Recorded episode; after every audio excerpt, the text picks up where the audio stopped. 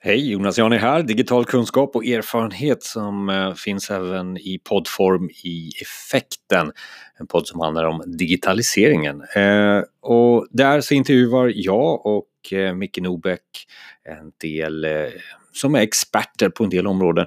Och just det här med användarupplevelsen eller UX, user experience, det hade vi ett avsnitt, avsnitt 77 kan du söka upp på effekten.se där eh, vi pratar med eh, Jocke Lindhart om just det här nästa steget för UX och hur vi anpassar våra system för att vara så användarvänliga som möjligt och det är ju också att följa användaren i kundresor, i gränssnitt men också följa tekniken. Så hur är det när vi ska designa för till exempel någonting som inte är en skärm? Eh, det handlar om röst, det handlar om AI. Lyssna på det här vi är väl på väg där, eh, det jag försökte nämna med, med artificiell intelligens eh, och olika typer av, av analys av, eh, av data. Eh, så att eh, du, allt som har med ansiktsigenkänning eller röstigenkänning eller röststyrning eller eh, andra typer av inputs än tangentbord och mus eller pekfinger, eh, tumme. Liksom.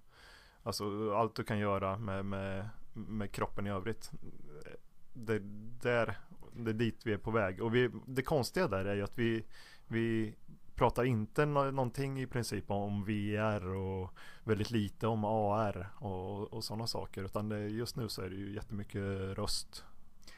Det Micke säger Jocke tycker jag låter som, ska vi designa utan skärm nu? Är det, är det dit vi är på väg? Jag ja, kan, kanske. Jag är ju lite mer konservativ än Micke eh, när det gäller sådana saker. Men alltså, det är ju mycket av den här utvecklingen drivs ju av teknikbranschen och inte av användarnas behov egentligen.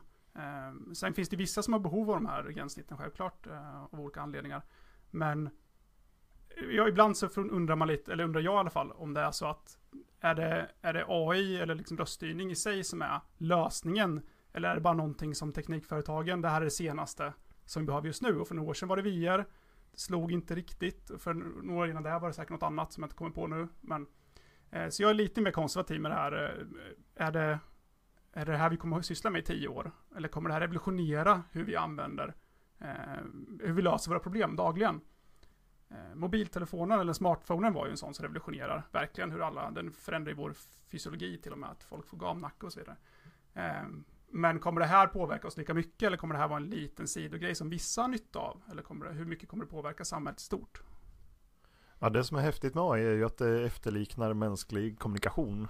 Och, och det där har ju varit rätt kackigt genom åren. när man, ja det är det fortfarande när man pratar med Alexa eller någon Siri eller någonting. Att man säger eh, slå upp vädret i Stockholm.